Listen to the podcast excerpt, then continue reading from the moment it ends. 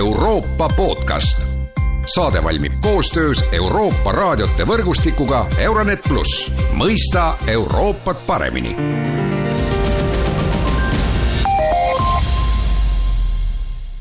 Tere tulemast taas äh, selle aasta esimesse äh, podcasti ja teemaks täna on äh, Prantsusmaa eesistumine Euroopa Liidus, äh, Prantsusmaa on Euroopa Liidu eesistujamaa äh, esimese poolaasta, aga mida see eesistumine võiks endaga kaasa tuua, sellest on täna Euroopa podcastis kõnelemas Eesti Välispoliitika Instituudi nooremteadur Merile Arjakas, tere päevast! tere! mina olen Erkki Vahovski ja no alustame poliitikaga, et see eesistumine üldiselt peaks olema selline neutraalne äh, nähtus, aga aasta Prantsusmaal algas päris suure mürinaga, et Eiffeli torn läks Euroopa Liidu sümboolikasse, Euroopa Liidu lipp rippus kaks päeva Pariisi triumfikaare all.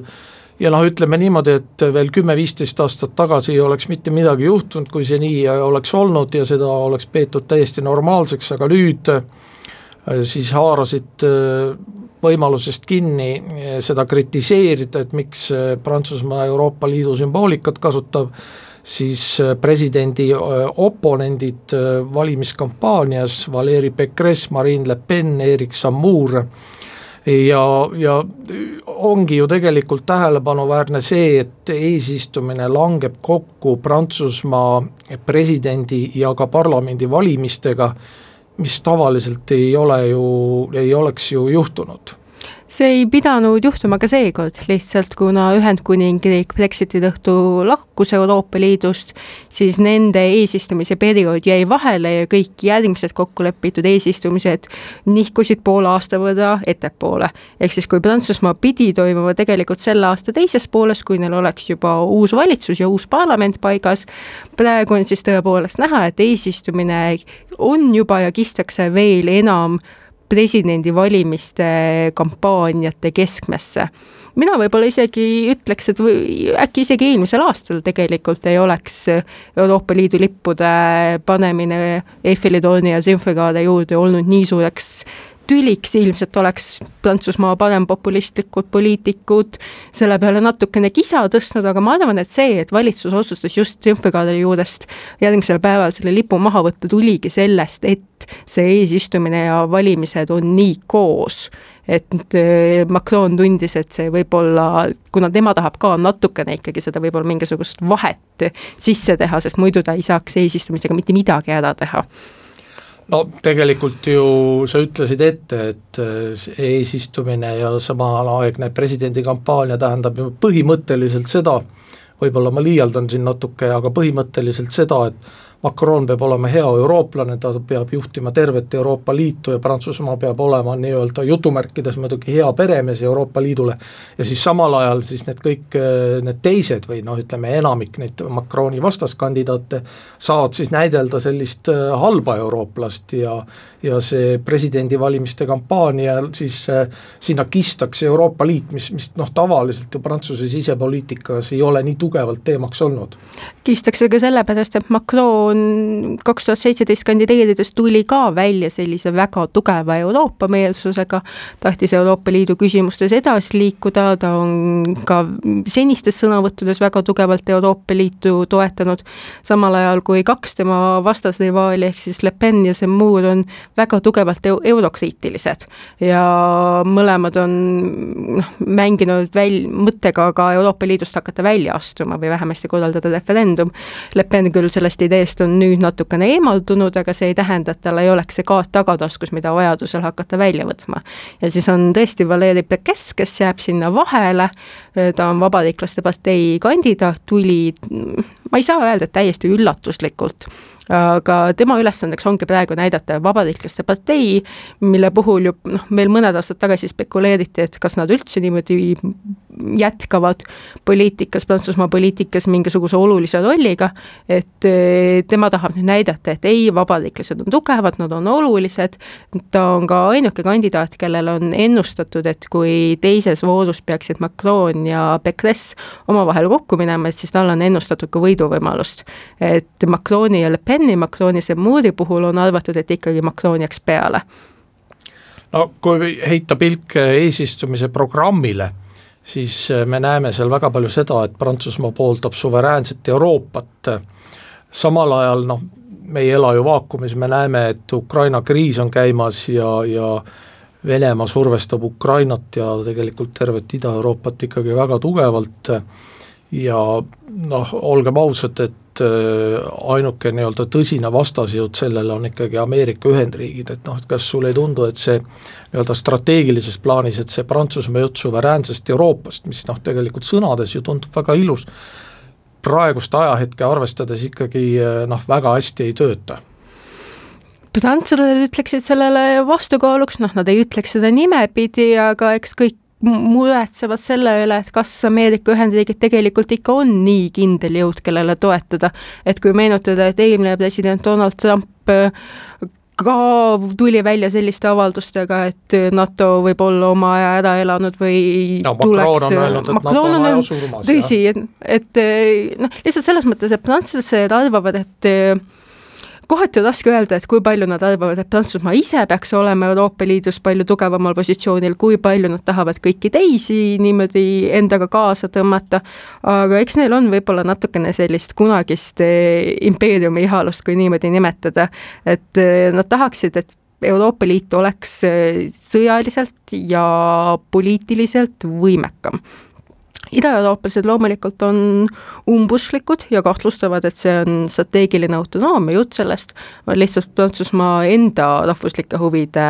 väljendus. ja et tegelikult seal sellist on, jutt on kõva ja jutt on ilus, aga mingisugust sisu selle taga ei ole. et äh, saab olema huvitav näha, et kuidas nüüd Prantsusmaa eesistumine üritab seda juttu, jutule lisaks ka mingisugust sisu luua eelduslikult võiks järgmise, sel, noh nüüd tuleval märtsis hakata vastu võtma strateegilist kompassi, mis on siis Euroopa Komisjoni välja töötatud kava ühiseks riski hindamiseks, kus tullakse välja ka erinevate konkreetsete plaanidega, kuidas Euroopa Liitu niimoodi sõjaliselt võimekamaks muuta muuta, aga on juba ette teada, et ega kõik liikmesriigid ei ole ju ühisel meelel selles, et mis on Euroopa Liidu jaoks kõige suuremad ohud, et meie vaatepunktist on see ilmselgelt, on Ukraina ja Valgevene ja Venemaa on see kolmnurk, millele väga suurt tähelepanu pöörata, aga Prantsusmaa enda jaoks võib olla palju suuremaks mureks hoopis ütleme, Sahara-alune Aafrika ja seal tegutsevad džihadistlikud grupid. sellest tahtsingi küsida, et tegelikult kui lugeda seda eesistumise programmi, siis Aafrikast on seal nagu eraldi eraldi alapeatükk ja päris pikk, arvestades noh, välispoliitika konteksti ja siis näiteks äh, Venemaa, Hiina ja Türgi on pandud kokku ja palju lühemalt kui Aafrika, et, et noh, meie, kes me oleme siin idaeurooplased, tundub see vaade ikkagi natuke kummaline see võib olla kummaline vaade, aga teisest küljest äkki on ka lihtsalt sellepärast, et selle Sahara-aluse Aafrika suhtes ollakse natuke rohkem ühel meelel Euroopa Liidus no,. sealt tuleb ka ränne ja see sealt tuleb ränne, mis on jällegi näiteks mõeldes Prantsusmaa sisepoliitikale, me teame, et ränne, immigratsioon on nende sisepoliitilises võimuvõitluses väga oluline küsimus, aga ka selles mõttes, et eh, ehk on lihtsam leida Euroopa Liidus ühismeelt sellega, et Aafrika riikidega võiks tegeleda mingis ulatuses, et takistada sellist laiaulatuslikku sissevoolu Euroopa riikidesse, samal ajal kui Hiina ja Venemaa küsimuses ei ole nii laialdast üksmeelt. Jaa, no si-, seal on veel eesistumise programmis räägitakse ka väga palju Euroopa demokraatiast ja, ja tuuakse ära see tulevikukonverentsi mõte, et Prantsusmaa mängib ikkagi ka väga palju selle ideega, et Euroopa Liitu tuleks reformida, et et äh, mis sa sellest äh, mõttest arvad, et, et kui tähtis see Euroopa tulevikukonverents ja üldse see Euroopa äh, reformimine hetkeseisuga on? Ma isiklikul hinnangul ütleks jällegi, et jutt on ilus, juttu on palju, aga sisu seal taga võib olla natukene puudulik või küsitav, et jah, Euroopa Liidu tulevikukonverents on miski, millega Euroopa institutsioonid on terve viimase aasta tegelenud, aga kui ma mõtlen, et kui palju näiteks inimene tänavalt sellest teab, siis tõenäoliselt nad isegi ei tea, et selline asi on toimumas või et seal on mingisuguste plaanidega või ideedega välja tuldud ja eks Prantsusmaa üritab seda ideed edasi viia koostöös ka Saksamaa uue valitsusega, aga ma usun, et see on selline, ma ei, ma ei hakkaks ütlema, et nad kindlasti saavutavad tohutult suurt edu või tohutult suurt edasiminekut. see on natukene, on koos Macroni plaaniga üldse tegeleda rohkem just sellise Euroopa Liidu nii-öelda uue Euroopa Liidu mudeli väljatöötamisega, et mis vastaks kahekümne esimese sajandi väljakutsetele, mis pööraks tähelepanu kliimaküsimustele, digitaalsele ühis, ühis, noh, digitaalsele üleminekule, digiühisturule mm,, ka näiteks miinimumpalga küsimus on väga palju üleval olnud, sellepärast et Euroopa Liit on seisukohal, et kõik riigid peaksid võtma vastu seadusandluse sellise miinimumpalga reguleerimiseks aga eks need eesistumised on selline, prioriteedid on alati suured, aga tegelikku edasijõudmine sõltub väga palju sellest, et mis toimub mujal maailmas, kõik mingisugused poliitilised sündmused, mis võivad sellesse sekkuda, ja me ju on ette näha, et eks need valimised saavad kindlasti olema väga suureks mõjutajaks, seda enam, et ütleme niimoodi, et kui Macron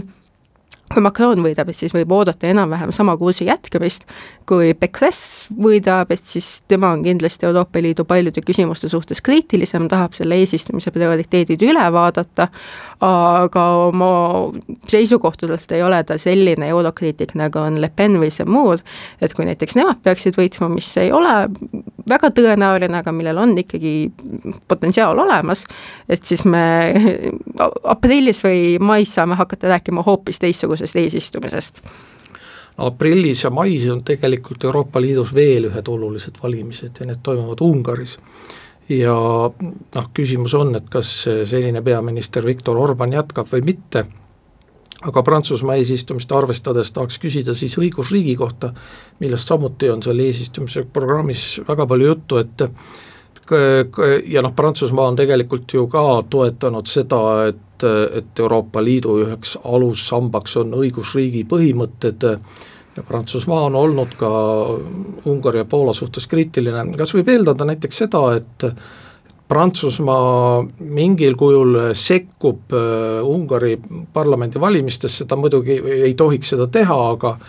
aga noh, selliste avaldustega õigusriigi kohta juba enne valimisi või pigem ootab Prantsusmaa ära siis need valimistulemused ja, ja, ja kui, kui Orban ütleme ei võida, siis Prantsusmaa võib-olla seda survet Ungarile ka vähendab ma arvan, et siin sõltub väga palju sellest, et mida me loeme sekkumiseks, et kui ma meenutan, siis detsembris käis Macron Ungaris Orbaniga kohtumas ja oli siis väga kriitiline Ungari valitsuse poliitikate suhtes. et ma arvan, et selliseid sõnavõtte, kriitil-, kriitilisi sõnavõtte sellega seoses võib olla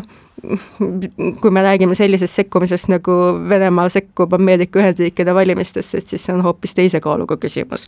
et eh, Euroopa Liit on ikkagi jällegi selline koht, kus liikmesriigid on koos ja on mõjutatud sellest, et mis toimub teiste riikide sisepoliitikast, et mina ei ütleks, et selline mm, kriitilised sõnavõtud teise riigi valitsusjuhtide suhtes, kui seniks, kuni nad ei ole, ütleme, personaalsed isiklikud rünnakud, oleks teise riigi poliitikasse sekkumine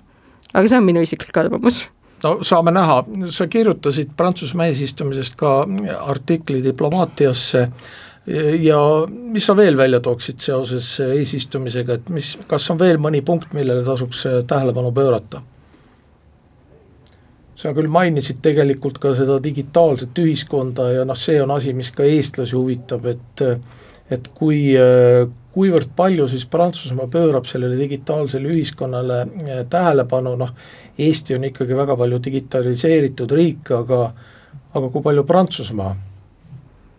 võiks eh, siit šnitti võtta või kui, kui oluline see Prantsusmaale see digitaliseerimise teema eh, võiks olla? jah, ütleks nii, et digitaalse ühisturu küsimus on Prantsusmaale oluline aga tundub, et selle puhul, kui toimub mingisugune edasiminek digitaalse ühisturu akti vastuvõtmisega, et siis see peab toimuma järgmise paari kuu jooksul, sellepärast et vastasel korral jääb see lihtsalt valimisvõitluse keskmesse. Aitäh, Merili Arjakas, selline oli tänane Euroopa podcast, kõike head ja kuulmiseni!